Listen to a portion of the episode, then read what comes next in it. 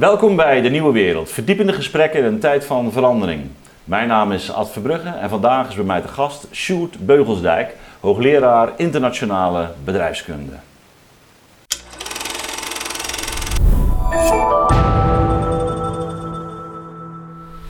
Sjoerd, welkom. Dankjewel. Uh, we gaan het hebben over jouw boek, De Verdeelde Nederlanden. Jawel. Um, recent uh, uitgekomen. Ja. Um, raakt ook aan allerlei thema's die hier aan tafel ook regelmatig uh, voorbij komen. Ook uh, thema's waar ik zelf ook mee uh, bezig ben.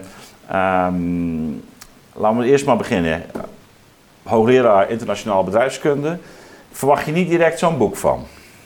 Nee, misschien niet. Hè? Nee, maar dan moet ik misschien toelichten. Ja.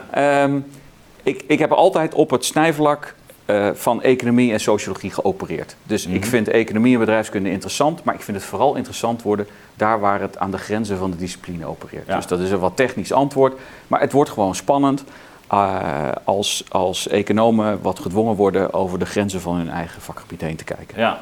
En internationale bedrijfskunde heb je dat automatisch. Want als je dan zegt, ja, een economie hangt, de manier waarop je een economie hebt georganiseerd, hangt samen met hoe een samenleving in elkaar zit.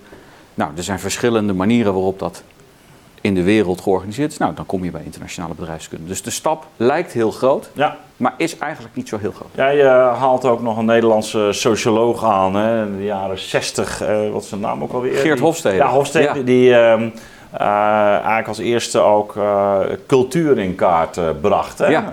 Aan de hand van een aantal parameters. Ja, ja. Die, uh, en daarmee eigenlijk de grond ook legde van een soort... Ja, soort uh, Absoluut. Hij is een van de eerste die dat, die dat meetbaar heeft gemaakt. Ik denk dat hij daar nog steeds de credits voor krijgt. En terecht ook. ja. Um, hij werkte bij IBM, een grote multinational. Ja, ja, ja, En had uh, op de HRM-afdeling en had, had toegang en de mogelijkheid om allerlei enquêtes uit te zetten onder werknemers van IBM in heel de wereld. Ja. En hij ontdekte gewoon een patroon in die antwoorden. Ja. Dus dat ging over allerlei vragen rondom onzekerheid op de werkvloer, stress, leiderschap. En, en dat is eigenlijk de start geweest voor, nou je kunt misschien wel zeggen voor een heel vakgebied wat daarnaar heeft gekeken. Ja. Verdeelde Nederlanden. Uh, je gaat uh, in eigenlijk op uh, nou ja, de, de, de, groeiende polarisatie. Je doet aan het einde van het boek ook nog een, voorstel hoe we dat mogelijk kunnen overwinnen. Daar gaan we het zo over hebben.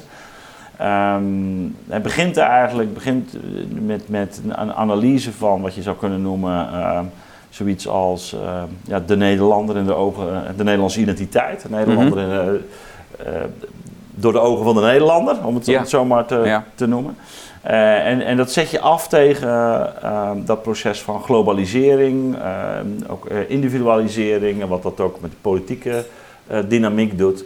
En ja, je probeert toch een soort groot verhaal Ja. neer te zetten. Hè? En je spreekt zelfs over de perfecte storm. Dat een aantal lijnen bij elkaar komen die deels kunnen verklaren ja, wat, wat we nu aan maatschappelijke dynamiek in ons land uh, nou ja, ontwaren. Niet alleen bij ons, maar, maar zeker ook in, in Nederland. Dus misschien even toch, ik zei al, voor mij niet, niet meest voor de hand liggende broek, boek wat je verwacht van een, een, een, internationaal bedrijfskundige. Maar jij geeft het al aan, je hebt die fascinatie en ook vanuit natuurlijk een economisch perspectief is het ook, denk ik, zorgwekkend wat er, wat er ja. gaande is. Um, maar misschien kunnen we even het, toch een beetje de opbouw van je boek uh, volgen. Uh, wat versta je onder die perfecte storm waarin we nu zouden zitten? Wat ik daarmee bedoel is dat, dat die polarisatie waar we nu in zitten, dat is geen toeval. Mm -hmm. Maar dat is een samenkomst van een aantal hele grote trends. En wat ik in dat boek probeer te doen, is die trends afpellen. Mm -hmm. En ik probeer die zo toegankelijk mogelijk te maken. Want wat betekent nou globalisering? Wat, wat betekent dat voor Nederland? Wat betekent dat voor Nederlanders? Nou, een van de dingen die betekent, is dat leefwerelden uit elkaar zijn gegroeid. Ja. En dat is relevant, want uh, mensen identificeren zich met een groep. En hebben behoefte om zich te identificeren met een groep. En laat nou door individualisering die behoefte om je ergens mee te identificeren, om een groep, om houvast te vinden, laat dat nou ook zijn toegenomen. En laat dat nou ook nog in een bedje vallen hè, van globalisering, individualisering, dat uh, grenzen poreus zijn geworden, dat mensen zoeken naar, wat ik al eerder zei, die houvast. Maar vooral ook, um, ja, welke identiteit meet ik me dan eigenlijk aan? En bij welke groep wil ik dan horen? Nou, de combinatie van die, van die dingen, dat is een soort cocktail. Leefwerelden die uit elkaar lopen. eh, behoefte aan, ik wil me ergens mee identificeren, maar dan ook gekoppeld aan, ja, identificeer ik me dan eigenlijk met vrij universele normen als uh, vrijheid van meningsuiting, um, recht op demonstratie, of zoek je het wat meer in lokale symbolen en tradities? En die combinatie van die dingen, die werkt zo desastreus uit, omdat je daarin ziet, aangewakkerd door sociale media, dat die verschillen alleen maar meer worden benadrukt. Ja. Dus de het is de combinatie, dus de perfecte storm, daarmee bedoel ik, het is de combinatie van die factoren. En het is ook zo gebracht, ik wil het bewust zo brengen, omdat ik vind dat er te makkelijk wordt gezegd, ja, het is de sociale media. En dan wordt dat als een soort, nou dat is de factor, dus als we sociale media maar weten te kanaliseren of weten te beperken, of aan te pakken, als we het over Facebook hebben, Ehm, dan zou het wel minder worden. Nou, dat is denk ik een, echt een versimpeling van de werkelijkheid. Nou ja, als je de geschiedenis enigszins kent, ik bedoel, de, de, grote tumult, ook in ons eigen landje, is toch begonnen met Fortuin. Dat was nog in een tijd waarin die sociale media ja, wel een beetje uh, een rol speelde, maar toch eigenlijk uh, was dat een, een, beweging die nog heel hoge mate zich binnen traditionele media voltrok. Overigens ook in een gespannen verhouding daartoe. Hè? Ja. Ehm, maar iedereen herinnert zich nog wel het beroemde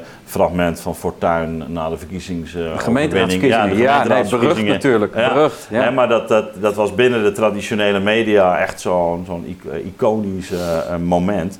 En, en, toen zagen we eigenlijk al heel veel van wat, wat de, de, jaren daarna alleen maar sterker is geworden. En het is zonder meer een feit, uh, wat je zegt, dat die sociale media dat hele verschijnsel nog versterken. Ja. Um, ja, daar op mijn tafeltje ligt uh, Castells, hè, dus de, de, twee delen van zijn trilogie over Information Age. Ja. Uh, ik moest ook regelmatig daaraan denken. Dat is een boek wat ik ook hier op de tafel wel eens noem. Het is voor mij toch een, uit de hoek van de sociologie, maar ook, ja, het is nog breder dan dat. Er zitten filosofische ja, elementen in. Ja. Dus, maar is het nog steeds een boek dat, dat hoogst actueel is.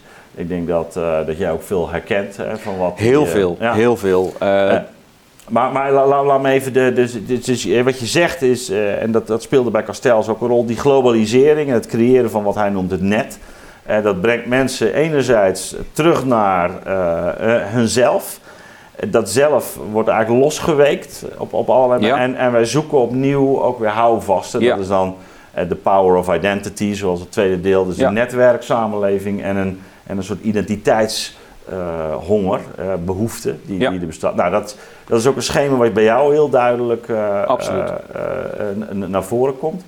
Um, je, je, brengt een aantal elementen in, dat doe je in je inleiding al, waarin je zegt, ja, je ziet dan dus ook, laten we zeggen, bijna ja, polaire uh, bewegingen. Van, Je hebt uh, bijvoorbeeld traditionalisten. Ja. Die, die, en daar staan dan de, de universalisten of ja. zou je zeggen... Globalisten. De globalisten. Te, kun, kun, je er eens een paar schetsen van hoe, hoe je... Want dat is inderdaad een deel van de, ja, dat is, de, dus dynamiek. Je, hè? Dat is een deel van de dynamiek. Dus het, het, het paradoxale is eigenlijk dat er zijn heel veel Nederlanders die zitten in het midden. Die identificeren zich met wat ik zo meteen zal toelichten, die, die, die, die beide flanken van die discussie die je hoort. Maar die flanken domineren wel het debat. En die flanken, dat, dat flanken het debat domineren is altijd zo geweest. Dat, daar is niks nieuws mhm. aan. Alleen dat is wel steeds feller geworden. En de manier waarop die flanken van zich laten horen. Uh, nou, die slaan ook het midden weg. Die slaan het midden weg, omdat mensen ook het gevoel hebben dat ze moeten kiezen. Ja, dus het, we gaan van een, van een situatie waarin je nog een soort grijs middengebied had, hebben steeds meer mensen het gevoel, ja, maar ik moet nu, ik moet nu, neem de Zwarte Piet discussie. En die is onder andere zo uit de hand gelopen, omdat mensen echt het gevoel hadden dat het een soort ja-nee discussie werd. Nou ja, of uh, neem, neem nu heel actueel corona. Ja, gevaccineerd, ongevaccineerd. Prikpolarisatie, dat wordt, het wordt allemaal, wat, ja, het is een beetje, het wordt, het wordt een soort 0-1 wereld waarin we gaan leven. Ben je voor of ben je tegen? Um, maar om een paar van die flanken te schetsen. Kijk, als jouw leefwereld bestaat uit uh, ik, zet, ik chargeer het even, hè? dus ik ga het heel scherp mhm. neerzetten. Maar als jouw leefwereld bestaat uit uh, een globale elite waarmee je identificeert. Um, als jij net zo makkelijk in Oxford als op de Vrije Universiteit had kunnen studeren. Als jouw leefwereld bestaat uit hoogopgeleide andere um, ja. nou, bankiers ja, dan heb jij een andere leefwereld. Ja, die allemaal naar de Bikram yoga gaan. En, ja, uh... nou, ik, we zetten het allebei wel heel scherp aan, maar ik, hè, om het punt even te maken. Maar daar staat ook een andere leefwereld tegenover. En, die andere leven, en, en het punt is dat die leefwerelden die komen elkaar steeds minder tegen. Die leefwerelden die zijn gewoon ook door globalisering echt onder druk komen te staan. Dus de mate waarin mensen elkaar tegenkomen, die is gewoon afgenomen. Maar dat is het, zeg maar, wat, wat, wat Castells noemt de space of flows en de, en, en de space of places. Dus, Ja. dus die globalisering als een eigen ruimte. Mensen met een leefstijl, met Ja. een, eh, bepaalde moraal, soorten muziek, eh, soorten Ja. films, eh, series. Ja, eh, absoluut. En de betekenis van je lokale, je lokale omgeving. Hè, Ja. en, en daaraan gekoppeld dus ook lokale symbolen, lokale tradities. En, en nu is de stap naar Zwarte Piet heel klein. En, en Ja. ik wil het niet allemaal aan Zwarte Ja. Piet ophangen. Maar dat is zo'n dankbaar voorbeeld. Omdat je Ja. daar ziet hoe het fout gaat. Of hoe, hoe zo'n debat mis gaat lopen. Als die flanken gaan domineren. ja. Ja, dus En- voor de ene in zo'n- voor de ene zo'n debat wordt het dan, ja, ik heb het recht om daartegen te mogen demonstreren. Want ik identificeer me met een groep die staat voor vrijheid van meningsuiting, recht op demonstratie en dat internationaal, dus dat Black Lives Matter. Hè, dat, dat is dan de ene kant van het verhaal. En de andere kant van het verhaal wordt dan, ja, maar ik identificeer me heel sterk met symbolen en tradities. En, en, en het Sinterklaasfeest is daar een onderdeel van. ja, en hoe durf je mij en mijn, mijn ouders racisten te noemen? Nou ja, los van dat die discussie ook gewoon taaltechnisch niet altijd Ja. fijn verloopt. Je kunt, je kunt je ook anders uitdrukken. Ja. Eh, je, kunt, je kunt zeggen Sinter, Sinterklaasfeest is een racistisch feest. ja, dat iedereen zit wel bijna viert. bij een van jouw oplossingen. Hè? Ja, Dus, maar, eh, maar ja, ja. Het, het heeft er wel mee te maken. Ja. Eh, hoe je je uitdrukt over dit soort dingen. Maar om terug, terug te komen bij die flanken. Ja, dan, dan krijg je dus een discussie waarbij je ofwel staat voor Black Lives Matter en vrijheid van meningsuiting en recht op demonstratie. Ofwel je wordt een kamp ingedrukt of hebt het gevoel dat je een kamp wordt ingedrukt. Dat, dat het moet opnemen voor Zwarte Piet. En wat ik altijd zo vervelend aan deze manier van discussiëren vind en heb gevonden, is dat het, dat het die middenpositie helemaal wegslaat. Want ik hecht enorm aan bepaalde symbolen en tradities. Daar zijn ook een aantal tradities bij die gewoon aan verandering onderhevig zijn. Allemaal prima. Maar tegelijkertijd vind ik het fantastisch om in een internationale setting te opereren. Ja. En het gevoel dat ik daartussen zou moeten kiezen, vind ik buitengewoon onaangenaam. En daar kwam ook wel een deel van de motivatie voor het schrijven van het boek Ja. vandaan. Van ja, dat, dat, dat Nee, maar dat, dat, kan natuurlijk ook prima. Hè? Ik bedoel, op de universiteit eh, zien we sowieso al dat natuurlijk eh, een hele traditie bestaat van zowel eh, lokale oriëntaties, eh, zeker toen de universiteit nog ook in het Nederlands opereerde, Ehm, hè, wat Ja. nu, hè, maar goed, daar kunnen we het zo nog wel even over hebben. Ja. Eh, maar ook, ook wel degelijk gewoon natuurlijk internationale samenwerking en netwerk en contacten. Hè? Dus Ja. dat is die... ehm, ik denk Maar dat dat kan elkaar ook versterken. Hè? En Ah, dat, ah, het- ah, absoluut, absoluut. Ik, ik denk eerder dat het nu van een verschraling eh, Ja, eh, sprake absoluut, is. Hè? absoluut. Dus dat is, eh, eh, maar goed, goed, dit is dus één zo'n as. Eh, Ja. eh, k- kun je er nog meer onderscheiden? Ehm, ja, zo'n andere as. Hè, dus hang je meer aan de traditionele symbolen en Ja. tradities... Of, of identificeer je meer met die universele burgerlijke vrijheden. Een andere as is, ja, en daar, maar die hangt daarmee samen. Eh, hoe sta je in het, in het debat rondom eh, identificeren met gemeenschap? En wil jij een sterk afgebakend gevoel van gemeenschap hebben waar je herkenbare, en daar komen die symbolen en tradities weer, waar je herkenbare symbolen en tradities hebt? Of identificeer jij je veel meer met, nou, die gemeenschap die heeft, zoals ik het zelf noem, ja, poreuze grenzen. Is een grens voor jou eh, een, een stippellijntje of is dat een harde doorgetrokken streep? Nou, daar zie je ook dat die, dat die spanning eh, Ja, terugkeert. En, en dat bedoel ik ook met een perfecte storm. Eigenlijk komt dat elke keer weer terug op dezelfde vraag. En- Hoe identificeer je, en dan kom je bij Ja. dat identity-vraagstuk wat je net al noemde. ja en, en je noemt er nog één die, die, die denk ik heel belangrijk is. Die heb ik door Piketty dan natuurlijk naar voren is geweest. Dat is dat arm en rijk. Hè? Ja, dat is enorm, ja. dat hele eh, eh, toch vraagstuk rond vermogensverdeling. Ja. Ja. Eh, ehm, ook, ook binnen de economie nu toch langzamerhand echt wel een thema eh antwoord. Ja, gelukkig. Heeft even geduurd. gelukkig. Heeft Ik- even ik, geduurd, ik, ik, maar ik beschrijf het ook. Dat Ja. heeft ontzettend lang geduurd en nog steeds zijn tekstboeken Ja. worden gedomineerd door, door discussies eh, over school groei.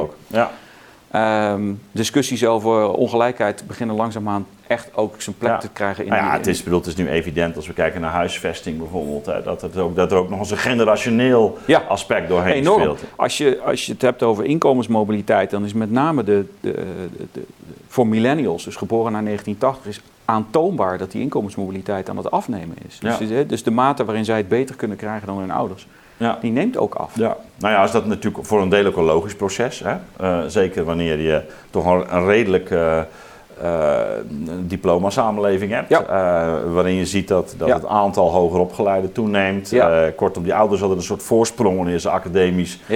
Maar, maar nu zie je dat dat zo Maar dat eh, vertaalt zich misschien. Hè, de- de- wat daar mooi aan is, is dat vertaalt zich dan, en dat, daar maken economen tot op de dag van vandaag maken ze daar ruzie over. Van ja, is er, in welke mate is er nou sprake van toegenomen ongelijkheid? En dan de aloude discussie tussen inkomens en vermogens. Maar in Nederland, en daar is toch steeds meer consensus over, is die inkomensongelijkheid, nou daar kunnen we dan over debatteren, de mate waarin. Ja, maar die Maar vermogens met name die vermogensongelijkheid. Enorm, en, Ja. en die getallen, als je die op je in laat werken, dan zijn die enorm. En waarom doet dat er nou zo toe? Kijk, dat doet ertoe omdat je als je in een situatie terechtkomt met eh, zoveel tijdelijke contracten, zoveel nulurencontracten, ehm, dan dat kan wel als je buffers hebt waar je op kan, Ja. leu- als je op kan leunen. Maar als je die niet hebt, dan is de combinatie van beperkt vermogen, gewoon spaargeld, een tijdelijk contract of een nulurencontract, een overheid, dat is een ander aspect wat ik bespreek, een overheid die ste- steeds meer is gaan terugtrekken en steeds meer heeft gezegd, ja, het is je eigen verantwoordelijkheid. Ja, de combinatie van die dingen maakt het dan wel heel erg ingewikkeld. Ja, ik, ik, ik had hier eh, een aantal eh, maanden geleden Ron Meijer eh, op bezoek. Ja. Eh, en met zijn boek eh, de, de, De onmisbare. De Onmisbaren. Eh, eh, nou ja, goed, natuurlijk een, een, een, van de sleutelfiguren in de, in de SP. Maar ik, ik was er ook wel, zowel door zijn boek als door het gesprek ook echt wel door geraakt. Je, je, je merkte dat hij eh, ja, in dat opzicht eh, te- toch, toch eh, dat thema van on- ongelijkheid echt tot in zijn vezels doorvoelt. En Ja, ook, eigenlijk ook daar politiek probeert een vertaling aan te geven. Ehm, ik, ik kwam het bij jou ergens ook tegen. Hè? Dus die, dit, dit, dat, dit toch wel een soort bekommernis om, Ja. om wat je daar eh, eh, ziet gebeuren. Ehm, ja, tegelijkertijd denk ik dat, dat als je dit nu eens, dit, dit, dit programma van, van jouw boek, hè, ehm, en nogmaals, ik denk dat Fortuyn er misschien ergens ook wel aan raakte. Ik heb zelfs ooit met mijn tijd van onbehagen eh, raak ik ook aan allerlei thema's, eh nou, zoals we met de filosofische school doen. Dus het past heel, heel erg ook in wat, wat wij ook herkennen. Maar als je, als je nou vraagt, ja, wordt dit nou echt politiek al opgenomen? Eh, eh, de- deze problematiek? Ja en nee. Dus ik krijg wel eens vragen van journalisten: ja, wat, wat, ben je nou optimistisch of ben je nou Ja. pessimistisch? En dan is mijn antwoord: eh, als ik s'avonds naar bed ga, dan ben ik soms wel eens een beetje pessimistisch. Ja. Eh, zeker als je dan nog weer eens een talkshow hebt gezien waarin mensen Ja. elkaar voor rotte vis uitmaken. Maar eh, een nachtje slapen en dan toch nog eens een keer in alle rust kijken. Wat vinden eigenlijk en dan, ja, wat vinden de Nederlandse instituties van dit onderwerp? En dan word ik wel optimistisch. Mhm. Want eh, jij noemde Ron Meijer van de, van, Ja. van, de, van, de, van de vakbond. Maar notabene, de werkgevers, VNO, NCW, MKB Nederland, die hebben een agenda 2030. Dat is een strategische agenda voor de komende jaren. En dat begint met een discussie over polarisatie. Die noemen expliciet polarisatie en die benoemen ook het belang Ja. van een Ja. evenwichtiger balans tussen arbeid en recent, kapitaal. hè? Recent. Ja, dat is, dat is iets van het laatste half jaar. Ja, maar. Of iets langer, want ze hebben die gesprekken langer geleden gevoerd. Maar dat geeft. Dat ge- en dat is het, belang van de werknemer wat meer in balans brengen. eh, ten Ja. arbeid ten opzichte van kapitaal. Dat is dus niet iets wat de vakbonden zeggen, dat zeggen de werkgevers zelf. Nou, zo zijn er meer eh, instituties, eh, de Sociaal-Economische Raad, de politieke partijen zelf. Als je de Mhm. politieke programma's in maart van afgelopen maart 2021 bekijkt, dan is er bijna geen enkele politieke partij die niet direct, dan wel indirect aan dit probleem relateert. Dus het staat echt op de agenda. Mhm. De grote vraag is een beetje, hoe ga je daar, eh, als je totaal versplinterd Ja. bent met 17 partijen, hoe ga je daar invulling aan geven? Ja, want dat, bedoel, dat schets je ook. Hè? Eh, we hadden het net al even over eh, bijvoorbeeld de, de universiteit als, als zo'n institutie. Nou ja, ik ben daar eh, de laatste jaren ook behoorlijk kritisch op die, op die universiteit. Hè, om, om verschillende redenen. Maar ook omdat ik zeg, jullie, ja, jullie zijn de, de grote eh, motors achter de globalisering. Je hebt al gekozen voor één pijler. Je bent niet meer de plek waar, waar je bemiddelt tussen Mhm. die twee, hè, globalisering Ja. en local. En maar met de verengelsing, of eh, met de, de internationalisering van onderwijs, die nergens in Europa zo sterk is als aan de Mhm. universiteit. Hè. We hebben Ja. gigantische aantallen buitenlandse studenten. En nogmaals, ik, ik ben er helemaal niet op tegen dat er buitenlandse studenten zijn. Maar je merkt wel, als je het hebt over die eigen ruimte, hoe, hoe eh, een deel toch van, laten we zeggen, onze academische elite wel heel sterk de neiging heeft om, om in die uh, de internationale bubbel, met ook die internationale moraal. Dus laten we zeggen de woke agenda of de, de Black Lives Matter agenda eventueel. Of de, de, en nogmaals, daar, daar kun je best natuurlijk mee in gesprek gaan. Maar wat jij in je boek op een gegeven moment noemt, van ja, hoe, hoezo gaan wij één op één de, de geschiedenis van uh, Amerika gewoon hier ja, uh, implementeren in het debat over uh, bijvoorbeeld etniciteit. Ja, ja dat gaat dus ook niet. En dat, moet je, dat, dat, roept dus enorm veel weerstand op. En ik denk dat dat terecht is. Dus ik, heb, ik ben doorlopend in het boek niet normatief. Ik probeer zo lang mogelijk ja. mijn eigen gedachten niet door te laten schemeren over dit onderwerp. Maar als er een onderwerp is waar ik echt pal voor staat, dan is het wel, en daar heb ik een sterke normatieve opvatting over, is het pas nou op met het importeren van die Amerikaanse discussie rondom polarisatie, rondom etniciteit. Um, ik heb een paar jaar in de VS gewoond en gewerkt. Ja. Ik denk dat ik van dichtbij heb gezien, uh, dat waren de jaren voor Trump. Ik, ik werd omringd, uh, ik woonde in een, in een omgeving waar veel Trump-aanhangers waren. Ik heb dat langzaam zien, zien gebeuren. Um, ik zag toen vervolgens, toen ik in Nederland kwam, terugkwam, dus het was in, de Obama-jaren, zeg dat, maar. dus ik, kwam, ik zat in de Obama-jaren daar, 2013, 2015. 2016 werd Trump verkozen. De staat waar ik woonde, die was de, werd gedomineerd, South Carolina, door Trump-aanhangers. Ja. Mhm. Ehm, en, en het voordeel daarvan was dat je daar als Europeaan, als Nederlander, stelde ik me altijd op van ja, ik, heb, ik mag hier niet stemmen. Dus mijn mening doet hier niet toe. En dat stelde me in staat om eens rustig te horen hoe die gesprekken verliepen. En dat, en dat verliep steeds heftiger. Uh, onder andere omdat ras daar echt een onderwerp is, etniciteit een onderwerp is, race in, in, uh, in het Engels. Dat is echt een, een onderwerp wat een hele andere betekenis heeft in de Amerikaanse context dan in de Nederlandse. Ja. Uh, en dan moet je dus ook met woordgebruik, als je, als je terugkomt in Nederland en je ziet dan bepaalde woorden die letterlijk over worden genomen uit, de, uit het, uit het vocabulaire wat daar wordt gebruikt, ja, daar moet je ontzettend mee oppassen er zijn wel eens woorden gebruikt als uh, er is een kritiek op bepaalde bewegingen en er wordt gezegd, ja, maar er is hier een lynchcultuur. Ja. dat, is, dat is een woord wat een, wat een connotatie heeft, daar moet je ongelooflijk voorzichtig mee zijn. Dat, dat associëren we toch echt met een bepaalde periode in de Verenigde Staten. En als, je die, als je die historische context aan de kant gooit en je neemt die woorden over en je gebruikt ze in de Nederlandse discussie. Ja, ik, ik beschrijf in het boek ook dat blackface in de Verenigde Staten en Canada uh, gelijkstellen aan de Zwarte Piet discussie in Nederland, ja, dan, dan doe je geen recht aan beide discussies overigens niet. Ja, ja maar dat is de verwarring die dan gaat ontstaan. Hè? Dus, dus het is eigenlijk een, een, het overheersen van het symbolische op het rituele. Juist. Het, hè? Dus, want wat is nou een Sinterklaas-ritueel? Maar ja, daar moet je meegemaakt hebben. maar als je er vervolgens uh, het, de, de symbolische eruit gaat trekken en, en gaat verbinden met bijvoorbeeld zo'n Amerikaanse toestand, krijg je iets heel anders. En waarmee ik helemaal niet zeg dat je niet zou moeten veranderen hoor. Aan, hè, ik bedoel, uh, tuurlijk, hè, dat, dat, nou, daar valt best over, over na te denken. Maar, nou, hè, maar je moet wel beginnen met van wat is wel iets anders. Ja, daar begint het mee. Het is iets anders. En wat ik, wat ik altijd zo, en wat er in toenemende mate jammer is aan dit soort gesprekken, is dat het steeds moeilijker lijkt te zijn om daar een, in alle rust een gesprek over te voeren. Dus bijvoorbeeld eh, tradities, daar, ik noem nogal wat voorbeelden van tradities, die gewoon van karakter zijn veranderd, waar we eigenlijk helemaal niet ons zo druk over hebben gemaakt.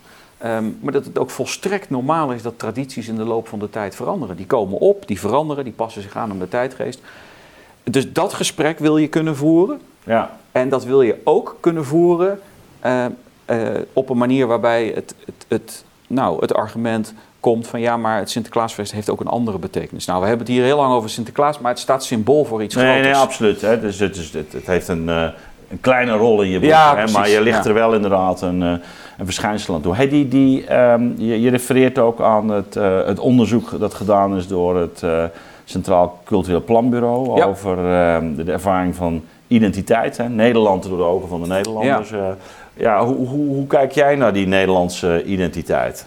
Ja, ik was daarbij betrokken. Dat was, dus ik, ik had die periode, dat was een hele fascinerende periode. Ik had die periode in de Verenigde Staten gewoond. kwam terug. Trump mm. werd gekozen in de Verenigde Staten. En ik kwam die natuurlijk echt op die nationalistische agenda slaat Ja. of trommel slaat. En ik kwam terug en ik kon in 2017 mee gaan doen eh, met, een, met een groot onderzoek van het, van het Sociaal Ja. Cultureel Planbureau naar hoe identificeren Nederlanders zich Ja. met Nederland. Dus er was niet de vraag wat is de Nederlandse identiteit, Ja. maar hoe identificeren. Nederlanders. En onderdeel daarvan was een hele serie groepsgesprekken door het land. En eh, dat was fascinerend, om allerlei redenen. Maar misschien nog wel om de eerste, de eerste en voor mij meest, die, die me nog het meest bijstaat... is dat ik zag dat de dynamiek in veel van die gesprekken... die had akelig veel weg van die dynamiek die ik in die jaren daarvoor in de Verenigde Staten had gezien. Die zeggen, wat is hier aan de hand? De onderwerpen waren anders. Hè? Dus hier ging het over de felheid waarmee over de Europese Unie wordt gesproken. De felheid waarmee over Zwarte Piet. De felheid waarmee... ja, ja. Hè, eh, over migratie, maar op een andere manier. Hè. De- de- Het migratiedebat in de VS is toch wat anders dan het, nee, het migratiedebat in Nederland. Maar je zag dus diezelfde thema's terugkeren, diezelfde felheid terugkeren. En dat was mijn eerste observatie. Wat, wat is hier aan de hand? Dat was Ja, ook de- een belangrijke prikkel de om dit toon, boek. De de- toon, ja. Ehm, en wat denk ik de kracht van dat onderzoek is geweest, dat heeft lang geduurd, het was moeilijk. Maar wat de kracht ervan is geweest, en wat het SCP denk ik heel mooi heeft gedaan, is laten zien wat is voor Nederlanders, allerlei soorten Nederlanders, Mhm. eh, nou een bron van identificeren met je land. Ja, Dus dat was een hele open vraag. ja. En dat is uiteindelijk vertaald in, oké, kun je dat ook concretiseren in termen van misschien bepaalde symbolen, vrijheid van meningsuiting. Nou, daar staan dus die vrijheden, die staan heel erg hoog op de agenda. Maar een aantal van die symbolen en tradities ook. ja. En wat we daar zagen is dat voor veel mensen die combinatie juist zo krachtig is. Maar we zagen ook dat als je mensen onder druk zet, eh, dat ze dan zeggen van ja, ik in eerste instantie, als ik echt moet kiezen, met een pistool op mijn voorhoofd bij van spreken, nou dan leun ik wat meer richting, ik hecht wat meer belang aan die symbolen en tradities. Dus dat, zodra er druk op de discussie komt, zag je dat dat uit die grote gemene deler uit elkaar begon te vallen. En, de, en dat is precies wat je, wat je de laatste jaren in Nederland ziet gebeuren. Dus op zo'n belangrijk thema als op welke gronden identificeren Nederlanders zich eigenlijk met Nederland. Mhm. Eh, daar was, ik meen dat, ik heb de getallen aangehangen, dus 85% van de Nederlanders zit in die, in die grote groep in het midden. Die Ja. zowel vrijheid van meningsuiting, recht op demonstratie, symbolen en tradities, dodenherdenking, bevrijdingsdag. Dat zijn allemaal items die in die top 10 staan. En dan komt er druk op de ketel.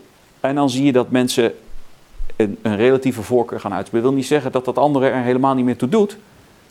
Maar ze hebben het gevoel te moeten kiezen. En dan Ja. kiezen ze voor één van die twee kanten. Dus dat valt dan uiteen. En, en, ja, dat, en waar komt dan die druk vandaan? Nou ja, daar zie je de kwalijke rol van sociale media terug. Ja, eh, uit het onderzoek kwam ook dus wat de Nederlanders zelf zeggen. Hè? Dat is dan de Nederlandse taal. Dus dat Ja. staat dan op, Maar ja, dat op- staat op echt nummer met stip één, hè? op één, Dat staat echt stip op één. Dat is een identiteit. Daarom is het ook wel tamelijk ironisch dat zo'n universiteit, eh, sommige volledig, eh, andere ten dele, verengelst. denk ik, oh ja, dat is eigenlijk dat wat het meeste je identiteit is, dat laat je los. Dat onder- onderhoud je niet meer. Ehm, dus dat is natuurlijk signi- significant. Hebben we het ook wel iets over die space of flows, om het dan maar eens in een lekker in het Mhm. Engels te zeggen. Die, die, die, die glo- globale stroom, Ja. wereldstroom hè, van, waar, mensen eh, in zitten. Tw- tweede was vrijheid. Ja. Ehm, eh, ook, ook fascinerend, toch wel. ja, maar die vrijheid, als je dus, dan moet je doorvragen. Ja, hè? je- Want, want wat, wat is dan vrijheid? En, en dan zie je dus precies datzelfde eh, waterscheidingsmoment. Namelijk, Ja. is dat dan de vrijheid om, je, om vast te mogen houden aan je eigen Ja. symbolen en tradities? Of is het de vrijheid om daar ook tegen te mogen demonstreren? Ja. En dat maakt het zo spannend. En dan zie je dus de ook dat het gaat die een, schuren. an- die een ander gunt. Nee, want dat, dat dacht ik wel. Je zegt ook heel uitdrukkelijk, ja, het is wat Nederlanders zeggen. Hè, maar het betekent nog niet dat wat ze zeggen ook datgene is wat ze doen. En, en, en dat wat ze zeggen is ook nog niet precies dat wat ze zijn. Terwijl, dat, wij hebben een, een aantal jaren geleden vanuit het Centrum Ethos, dat boek Waartoe is Nederland op Ja. aarde. Ik heb daar zelf een bijdrage geleverd en die... die eh, Daarbij vertrek ik vooral vanuit het landschap. Hè? Dus, eh, vanuit de ervaring van je gaat de grens over en je ziet eigenlijk al het landschap veranderen. Ja. Hè? Dus hoe, hoe eh, ik, ik ben zelf opgegroeid in Zeeuws-Vlaanderen. En ehm, ja, als je de, grens overging, dan was het meteen van, hè, hm, wat is het hier voor rommel? En, eh, Nou, ik, Hè? ik werd altijd, wij, wij woonden toen ik kind was in het zuiden van het land. En dan reden we nog wel eens de grens over. En als kind viel ik in slaap in Nederland en werd weer wakker als we in België over de, Ja, over ja, de ja, weg ja, reden. ja, Want ja. dat hobbelde bobbelde ja, alle hobbel, kanten hobbel de op. Ja. bobbel, eh, die hele infrastructuur was eh, heel anders. Maar dat zegt natuurlijk iets over een, over een mentaliteit, hè? Ja. over een... ehm, zoals Aristoteles het noemt, een ethos. Een, iets Absoluut. van, eh, en wat overigens verbonden is ook met je woonplaats. En je ziet het in de huizenbouw, allemaal stedenbouw. eh, daar, daar zie je eigenlijk veel meer al, ook, ook een Nederlandse i- identiteit, denk ik, in de praktijk. Ehm, maar ehm, wat, wat, wat natuurlijk fascinerend is, op het moment dat jij dat dus, dus, dus zo schetst, hè, dus een aantal van die, die, die, die zaken, en tegelijkertijd eh, dus opmerkt van ja, maar eh, eh, kennelijk als de druk op de ketel komt, dan, dan zien we dus dat die consensus, dat, Ja. die, dat die heel snel, nou kun je zeggen, ook dat is misschien wel heel eh, Nederlands. Hè? Dus dat wij, eh, we, bedoel, we hebben allerlei kerkscheidingen gehad, dus die, die, die, die fragmentatie van de politiek waar jij het over hebt. Ja. Eh, nou ja, kijk naar de geschiedenis van de, de hervormde kerk. Ik bedoel, Het is één reeks van Ja. afscheidingen Ja. En, en, en weer nieuwe groepen maar daar- die zich vormen. Het is altijd gevaarlijk om, om te gaan praten over de Nederlander of de. Nederlandse identiteit. Maar, maar wat, we, wat wel bekend is en wat ook uit alle internationale ranglijstjes komt en alle internationale vergelijkingen komt. Ja. Nederlanders zijn ongelooflijk geïndividualiseerd. Dus, ook, hè, dus we weten dat we kijken vaak terug en dan kijken we naar onze ouders en onze grootouders. Maar het gaat met name om, om hoe doen we het eigenlijk relatief ten opzichte van eh, samenlevingen om ons heen. En dan komt er keer op keer uit dat Nederlanders we hebben over het algemeen wat moeite met hiërarchie. Ja. En, en we zijn toch wel heel erg sterk geïndividualiseerd. En ik Ja. vertaal dat, ik probeer al die ingewikkelde begrippen te vertalen naar, ja, wat betekent dat dan? Nou, individualisering betekent, dat bepaal ik zelf wel. Ja. Nou, dat is de dominante norm geworden. Ja, ja en, en, zeker. en dat zie je dus om dat, om dat terug te leggen Zeker. bij die kerkscheidingen. Zeker. Ja, daar, Dat bepaal ik zelf wel. ja, exact. Ja. Hè, Dan begin ik wel voor ja. mezelf. Ja, want het is individualisering. En, en ik denk namelijk, hè, want dat, en dat zien we op dit moment denk ik ook op die sociale media. Maar dat zag je bij die kerken ook. Van, Ja, dat bepaal ik zelf wel. Maar dat, dan zit je wel weer in je groepje. Ja. Wat, wat je natuurlijk wel ziet, hè, is dus, ik zou zeggen in Nederland, dat, dat zeg ik ook ergens in, in die bundel volgens mij, maar die combinatie van anarchisme en conformisme. Ja. Hè, dus, eh, de- zowel, eh, ja, bepaal ik zelf wel, maar dan wel toch weer eh, een eigen hokje. Maar volgens mij heeft dat, hè, dat, dat, dat is, ik weet niet of dat nou uniek Nederlands is. Volgens mij is dat gewoon menselijk. Hè, De Nou, menselijke behoefte om bij een groep te willen horen. Ja. Da- daarom geloof ik. Een soort antropologische constante. Ja. Maar laten we zeggen, in de zuilensamenleving zag je dat bij uitstek natuurlijk. Ja. En in die afsplitsingen. Ja, maar eh, een variant daarvan. En eh, ik, misschien dat sommige mensen daar gelijk eh, van op hun achterste benen slaan. Maar een variant daarvan is de alsmaar uit, hè, langere uitbreiding van de afkorting LGBTQ. Ja. Hè, dat, is, dat, dat is diezelfde menselijke behoefte om in je identiteit erkend te worden. Ja, ja. nee zeker. Het is moderne zeker. verzuiling. Zeker. Dat, is, eh, dit, dat, dat, dat heeft ook geen einde, denk ik. Maar op het moment dat je weer helemaal bij het individu bent, ja, dan staat hij wel weer heel alleen. Dus zoekt hij toch weer zijn eigen groepje. Ja. Dus, ehm, maar dat is inderdaad de moderne fragmentatie hè, die, die, die we zien. En dat is een onderdeel van die per- perfect storm, zoals jij hem... ehm, Maar het heeft, er zitten foto's in. En ehm, er zit één foto, twee foto's in die ik, die ik zelf wel heel erg tekenend vind. Dat is namelijk een, een verkiezingsbord, van die grote houten borden die dan Ja. altijd buiten staan, met posters van politieke partijen. En, en één uit 1981, en dan hangen er iets van zes partijen. En één van afgelopen jaar, of uh, dit jaar, 2021. En daar hangen 37 posters. ja. Ja, de- het is op zich, ik, ik ben daar heel, ik vind dat ingewikkeld, want aan de ene kant is het prachtig dat mensen zo democratisch op deze manier Ja. hun weg proberen te vinden in het politieke bestel.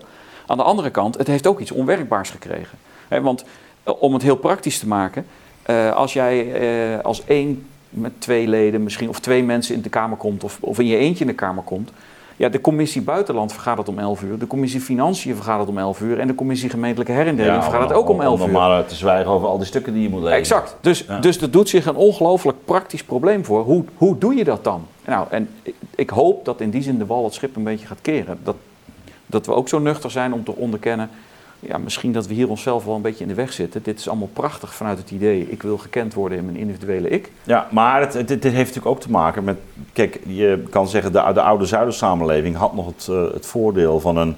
Laten we zeggen, een, ehm, een, een, een vorm van gelijkgezindheid. Eh, Mhm. die, waarbij je eh, to- een aantal levensgebieden, of het nou onderwijs, kerk was, zorg... bij elkaar kon nemen en als je het dan hebt over hoger en lager opgeleid, nou, daar heb ik het hier met Wim Voermans ook wel eens over gehad. In de kerk zaten ze bij elkaar. Ja. Bij de socialisten was dat eigenlijk ook nog wel het, eh, Ja. het geval. En ik denk, eh, precies wat jij natuurlijk hebt beschreven, eh, op het moment dat je eh, en die globalisering ziet, dat, dat eigenlijk die kloof tussen hoger en lager opgeleid ehm, eh, eh, verstoord raakt. Ja. Ehm, of, of dat die zo groot wordt. Eh, maar ook dat, dat, een, een, dat een elite niet meer echt zorgt voor die, laten we zeggen, die locals. Ja. Hè?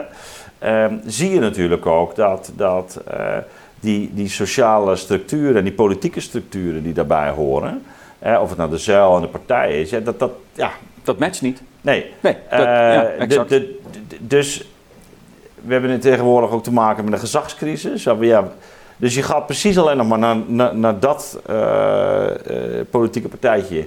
Eh, wat, wat enigszins dan overeenkomt met, met jouw voorkeuren. Ja. Hangt heel erg op de persoon. ja. Op het moment dat er een andere komt, denk je, nou ja, die zegt het wel toch een beetje anders. eh, Ja, nee, ik denk dat dat. Ik denk dat dus je, als je denkt in termen van een samenleving, die, moet, die bestaat ook een beetje bij de gratie van een onderliggende structuur, waarbij je verticale banden hebt, van, hè, maar ook hè, Ja. dus tussen klasses onderling, maar ook horizontaal groepen die elkaar weten te vinden. Als we horizontaal volledig individualiseren en als we verticaal ook uit elkaar Ja. vallen, ja. dan zijn het allemaal losse elementen. En wat houdt ons dan nog bij elkaar? En dan krijg je dus een discussie over, ja, wat is dan eigenlijk mijn identiteit?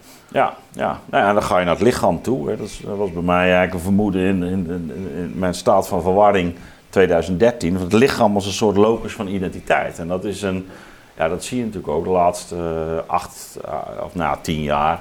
eh, enorm sterke nadruk komt op, op die lichamelijkheid. Hè. Of het nou mijn, mijn ras is, of mijn kleur, of mijn tattoos. Ook, Ja. Als, als, als Ja. je eh, behoefte hebt om daar eh, je identiteit te verankeren. Ja. Nou ja, Ja, maar- die zoektocht naar andere symbolen die jou Ja. dan eh, dragen in, in die identiteit die je ook wil uitdragen. Ja, ja maar ook, ook eh, die, die je bijna nu op de huid geschreven moeten Ja. zijn, om het zo maar, ja, bijna letterlijk. maar te noemen. Hey, ehm, zeg maar naar het einde van het boek doe je het toch een voorstel om, om uit die, die laten we zeggen, de catastrofe van de perfecte storm, om die te vermijden. Ja.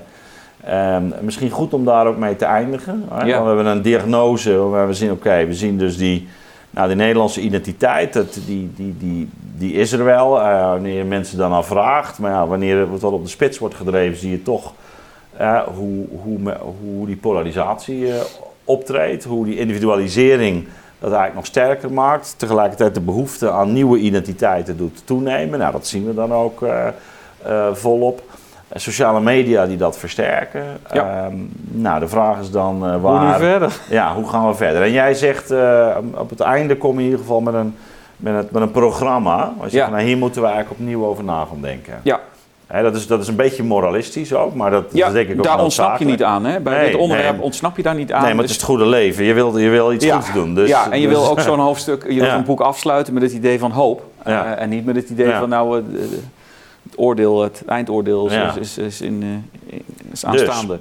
Nou, ik denk dat het, dus aansluitend, dus wat ik doe is ik probeer aan te sluiten bij die, bij die analyse. Dus als het zo is, en wat ik denk dat zo is, dat ongelijkheid een belangrijk probleem of een belangrijke oorzaak van dit probleem is, dan moet je dat ook aanpakken bij de bron. Dus dan moet je niet zeggen, eh, die polarisatie die komt door sociale media en we moeten alleen wat aan sociale media doen, want dan pak je die onderliggende structurele factoren niet aan.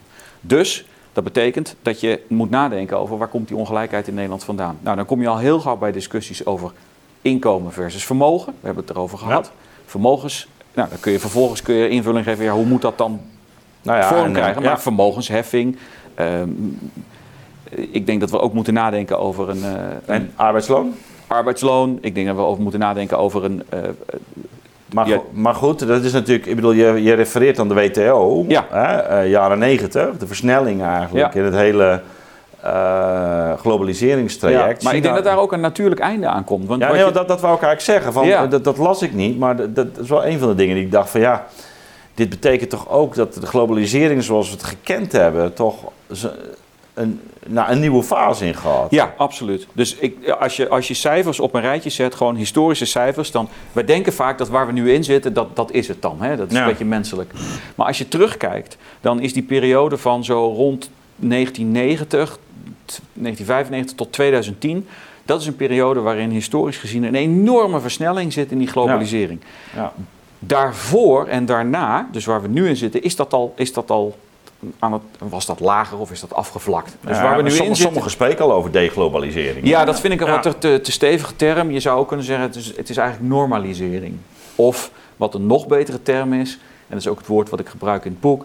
ehm, ik denk dat we, en dat zie je dus ook bedrijven doen, in plaats van de productie te verplaatsen naar Bangladesh, wordt het nu wat dichterbij gezocht. Nou ja, dus dat- dat- Zuid-Italië Ja. of Turkije. Nou, dat, dat is een proces eh, wat al gaande was, maar wat nu versneld is. En ik denk dat door corona met name, door COVID, Ja. is dat versneld. Het Ja, besef, eh, het besef zeker. en, dat, en, en ik, ik ben eh, Nou, te die veel... problematiek ik denk ik te tweeledig. Zowel rond de aanvoerlijnen, wat we nu zien. Ja. En, en ook de, het bewustzijn van een eh, groeiende afhankelijkheid van China. Zelfs Ja. waar het gaat om onze mondkapjes. Exact, Dat dus die, de- die combinatie die maakt dat, het, dat er gewoon economische prikkels zijn. Ja, eh, waarom, en daarom ben ik ook wel positief. Hè? Dus ik ben te veel econoom ja. eh, om, om niet te geloven in eh, economische prikkels. en Met woorden. ecologische inmiddels ook. hè. Exact, en, en Ja. dat wordt dus steeds meer verdisconteerd in een prijs. Nou, Ja. dat is de enige manier waarop dat echt goed gaat werken. Maar dat zie je dus nu al. En dus waar je een paar, nou tot vlak voor corona kon je een container uit China huren voor minder dan 1000 dollar. Ja. Hè, dus van Shanghai naar Rotterdam, minder dan 1000 dollar. Dat is nu eh, factor 5 geloof ik, of factor 7. Het hangt er een beetje vanaf hoe en wat precies. Maar, ehm, dus die, die markt is al aan het veranderen. En het idee dat, dat grootschalige bedrijvigheid zich inricht op een systeem waarbij het elke keer just in time is. Dus minimale voorraden, ehm, maximale efficiency. Ja. Dat verandert in een, in een ander scenario, wat ook wel eens wordt genoemd just in case. Dus Ja. Meer onzekerheid in het systeem ja, inbouwen. Ja, dat zien we zelfs nu in een discussie rond onze IC's. Hè, die, die eigenlijk ook helemaal lean en mean zijn Absoluut. ingericht. Maar Absoluut. Dus daar eh, komt een natuurlijke tegenbeweging. Die is al gaande. Die gaat misschien volgens sommigen te langzaam. Dat zou misschien sneller kunnen. Dat is allemaal waar, maar Ja. het gebeurt. Dus dat is, die Dus dat is één ding. Ja, dus, die, dus, die, dus dat hangt samen met die, dat vermogensongelijkheid en, en dus het proces van globalisering wat een nieuwe fase in gaat. Ja. Dat is één. De tweede. Eh, ik maak er nogal een punt van dat we toch echt wat in ons gedrag moeten veranderen. Namelijk, we hebben de neiging om eh, heel erg te denken vanuit individuele rechten. Dus dat gaat samen met dat bepaal ik zelf wel. Ja. Dus het, de combinatie van denken in termen van ja, dat is mijn recht. Dat, en Mhm. ook ik ga mijn recht wel halen. En als ik in een maatschappelijke ja, discussie. de juridisering. de juridisering van de samenleving, dan, ga, dan laat ik de rechter wel een uitspraak doen. En sterker nog, dan laat ik niet alleen de rechter een uitspraak doen, maar die kan dan ook iets zeggen of ik heb gewonnen of verloren. Dus het framen in termen van winst en verlies. En ook het framen van een democratische meerderheidsbeslissing in termen van winst. En daarbij degene die toevallig tot de minderheid behoort, gelijk het, eigenlijk het recht op zijn of haar standpunt ontnemen. Ja, daar, daar moeten we echt zo snel mogelijk vanaf. Ja. Het lijkt wel alsof we Nou ja, is- soms een soort basisles Nee, democratie ik- zijn verloren. Ik vind dat ook helemaal fout in Amerika. Dat je, oh, we hebben de meerderheid, bam, we gaan dus. Dus dat hele sentiment wat bij eh, bijna de helft van de bevolking leeft, doet er helemaal niet meer toe. Nee, Eh, nee. maar dan hè? komen we terug bij wat we eerder zeiden. Dus, dus wat je daar ziet is dat het niet meer gaat om een meerderheid en een minderheid. Maar dat vertaalt zich in Ja, 0-1, voor tegen. absoluut. En, en, en ik denk dat we daar... Als je er samen in een huis woont, kun je beter maar een beetje rekening houden met wie in huis woont. Exact, Hè? Dus, eh. En dat doen we nu niet. Nee, Dan denk dus, je van, oh ja, we dus- hebben nu de macht. Dus eh, je ziet het nu bij Biden, maar je zag het bij Trump ook. Van, Oh, dat bam, gaat los van, lo- dat is los Dus- van politieke partijen. Dat is Ja. los van politieke kleur. De een probeert het nog wat meer dan de ander. Ja. Maar het, het vervelende is, is dat, dat het aan allebei de kanten of aan alle kanten gebeurt. Je hebt 51% en je, Ja. en je neemt de 100. Ja, Nou, ja, precies. En je, je wrijft het er nog even in ook. ja, hè? Dat is, eh, want wij zijn aan de macht. Ja, dus, de- Dus- dus daar zal ook iets, daar zal ook iets moeten veranderen. Nou, het is Ehm, eigenlijk politiek bewustzijn. Hè? Want ik vind, ik vind dat, eh, de, de- de- ik denk dat daar, daar hadden denk ik de oude zu- zuilen toch wel iets meer eh, consideratie. Eh, dat ze wel begrepen wat de gevoeligheden van de anderen waren en je daar dus niet overheen ging. Eh, terwijl we nu zoiets hebben, nou, daar moet je maar mee leven. Terwijl we aan de andere kant juist die gevoeligheid dus kennelijk tot een soort maatstaf maken. Hè? Want dat Ja. is een paradoxale... ja. Hè, dus je had het net over die, heel die LGHB enzovoort. Daar Ja. zie je dat dat enorm als een soort... ja, eh, maar dat is, kijk, dat is ook een groep. Hè, dus bij elke groep die, die in opkomst is of die een label aan zichzelf wil geven. Als ik me met een groep iets nieuws wil organiseren, dan wil ik ook graag erkenning. Dus dat, Ja. dat, is- dat is heel normaal menselijk. Daar, daar, daar zie ik het probleem ook niet zo. Maar waar het mee samengaat is, ik richt mijn eigen groepje op, maar ik, ik delegitimeer de, ander. Ja, of dehumaniseer Eh, zelfs. nou, zelfs dat nog, Ja. ja. Dus dat is nog een stap verder.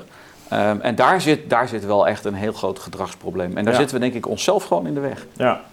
Ja, dat is echt een, eh, een moreel appel. Daar ben ik het helemaal mee eens overigens. Het derde zegt ook echt, we moeten over tech gaan nadenken. Ja, je kunt niet eh, over sociale media beweren dat dat gaat zichzelf al oplossen. Daar zal iets moeten gebeuren.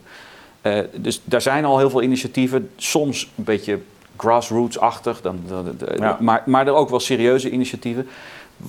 Waar, wat heel spannend wordt de komende jaren, wordt eh, in hoeverre gaat de Amerikaanse overheid doorpakken bij Ja. het eventuele opknippen van Facebook.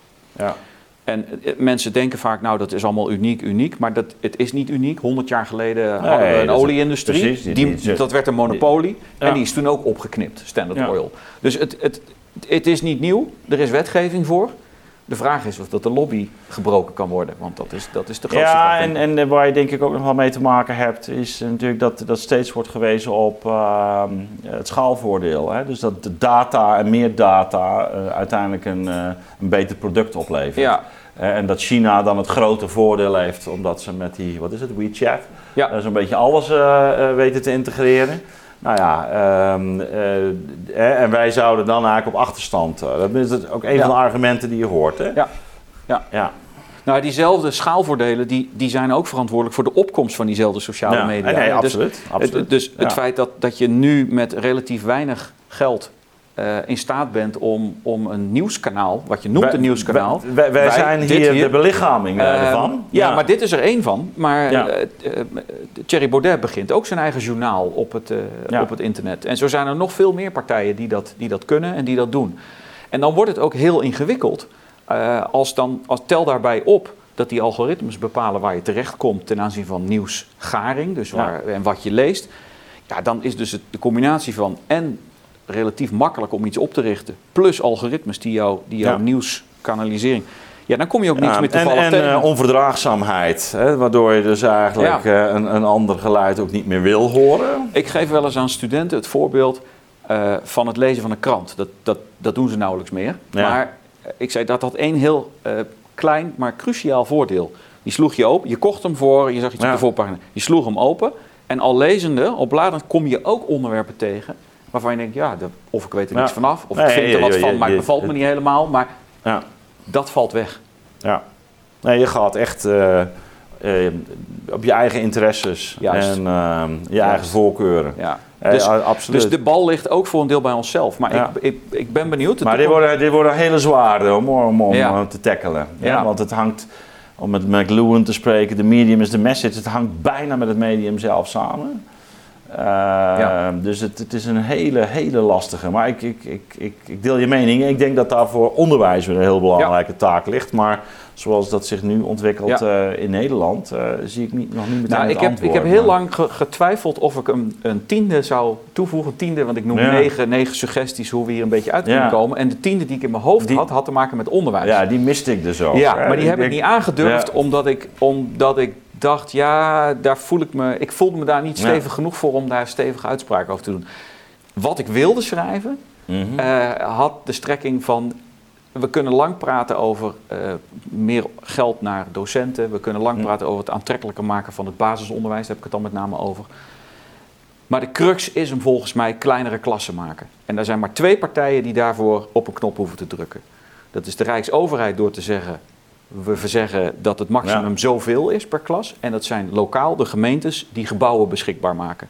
Die twee partijen die zijn daarvoor verantwoordelijk. Ja, Nou, en als dan, we- eh, en dan, en en de dan rest- moeten we ook nog de leraar hebben. ja, maar de rest volgt daar niet automatisch uit. Maar als jij kleinere klassen hebt, dan gaat de kwaliteit omhoog. Als je Ja. een kleinere klas hebt, wordt het vak Nee, interessanter. ik, ik, Ik- ik ben het- het helemaal mee eens. Eh, Ik, ik denk dat dit een belangrijk idee is. En volgens mij zou je ook met de docent centraal mm, Ja. eh, zeggen van goh, we gaan die in de positie brengen. Dat betekent niet eh, dat hij dat zomaar eh, kan doen en laten wat hij wil, maar wel dat hem faciliteren, dat hij niet een slaaf wordt van dan wel het instituut, dan wel eh, van, van, van zijn eigen eh, leerlingen. Ja. Ja. dan dan eh, wordt het aantrekkelijk. Hè? Maar Ja. ik denk dat het op dit moment. Maar het- dat heeft te maken, dus ik heb dat, die laatste stap naar wat het voor het onderwijs of wat het onderwijs ook, dat heb ik niet gezegd, maar ik, maak wel, ik doe wel wat uitspraken over het publieke domein in meer algemene zin. Ja. dus de relatie tussen burger en overheid en de manier waarop de, de overheid optreedt.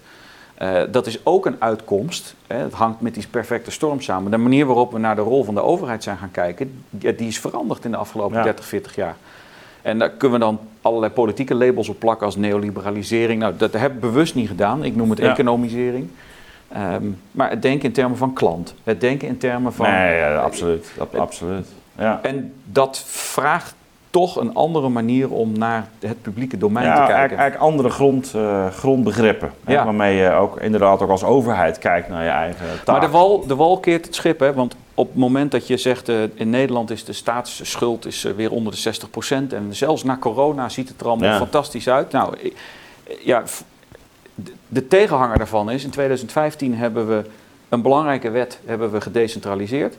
En het eindresultaat was is nu dat acht van de tien gemeenten krijgen de begroting niet rond. Dus we hebben de jeugdzorg gedecentraliseerd. We hebben nog wat andere elementen uit die WMO gedecentraliseerd. En het, en het eindresultaat is op nationaal niveau ziet die rijksbegroting die zit onder de officiële Europese regels. En op lokaal niveau komen we niet uit. En niet een beetje niet uit, maar 80% van de gemeente komt niet uit. En dan hebben we het nog niet over de burgers zelf die zich als nooit tevoren in de schulden moet steken. Want onze private schuld in Nederland, die is torenhoog. Ja dus dat is ook de ironie. we zeggen maar, nee, het gaat goed met Nederland. Maar als je de totale schulden privaat en, en publiek bij elkaar optelt, dan eh, ziet het, het plaatje een stuk minder gunstig uit. Hè? Ik, ja, nou, dan kun je daar wel de pensioengelden tegenover zetten, dat hoor je dan altijd. Maar ehm, dan hebben we meteen ook weer dat, uh, dat ongelijkheidsvraagstuk. Ja, exact. Dat heb je dan gelijk, gelijk te pakken. Ja. En, en er komt steeds meer discussie over regionaal maatschappelijk onbehagen. Dus eh, het maatschappelijk onbehagen dat zich in bepaalde gebieden zou concentreren. Uh, ik woon zelf in Groningen. Ik heb ook de scheuren in mijn woning zitten. Ik woon in het centrum. Ik woon niet in zo'n dorpje buiten de stad Groningen, mhm. maar ik woon gewoon in het centrum. Kijk, ik, ik begrijp die papieren die ik moet invullen. Uh, Maar ook bij mij in de straat is er al sprake van onuitlegbare rechtsongelijkheid. Ja. Dus ik woon in een set huizen. Het zijn zes dezelfde huizen. Ehm, hoe is het mogelijk dat als ik in een bepaalde maand een aanvraag doe, dat ik een x-bedrag krijg, maar mijn buurman met dezelfde scheuren in hetzelfde huis, maar in een andere maand de aanvraag doet, dat die een totaal ander bedrag krijgt? Dat is niet meer uit te leggen. Ja. Dus uh, tel daar dan bij op extra factoren als ja, ik, heb er, ik, ik begrijp niet meer waarom ik word afgerekend op deze zaken. Uh, wat ik noem, eigenlijk de verzorgingsstaat zou je eigenlijk weer terug moeten schalen naar wat minder selectieve, minder conditionele verzorging staat. Dus laten we nou eens wat minder regeltjes en wat meer vanuit vertrouwen opereren. Iedereen gaat dan roepen van ja, dat kan niet, dat is veel te duur. Maar dan zet ik daar tegenover, wat kost het uitvoeringsapparaat wel niet om al die regels uit te voeren? Ja, absoluut.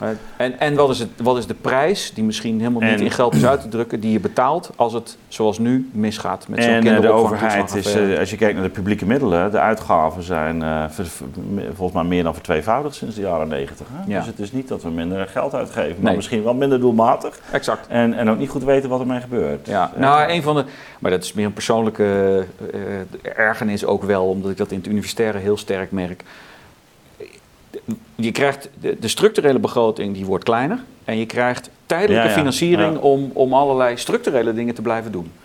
Ja, dat is wel heel ingewikkeld. Ja, ja, daar worden mensen heel ongelukkig van. Daar wordt, ja, en dat is niet alleen bij ons. Dat is niet alleen in de strijd. is in de zorg, in, bij de politie. Dat is eigenlijk in het hele publieke domein. Ja. We moeten gaan afronden. Ja. Uh, het was mij genoeg. We hebben nog maar een deel van je boek kunnen behandelen. Ik denk wel een paar belangrijke lijnen. Ik dank je, uh, dank je in ieder geval voor je komst. Dank je wel. We, gaan uh, dit gesprek op een ander moment en op een andere plaats gaan we nog zeker voortzetten. Dankjewel.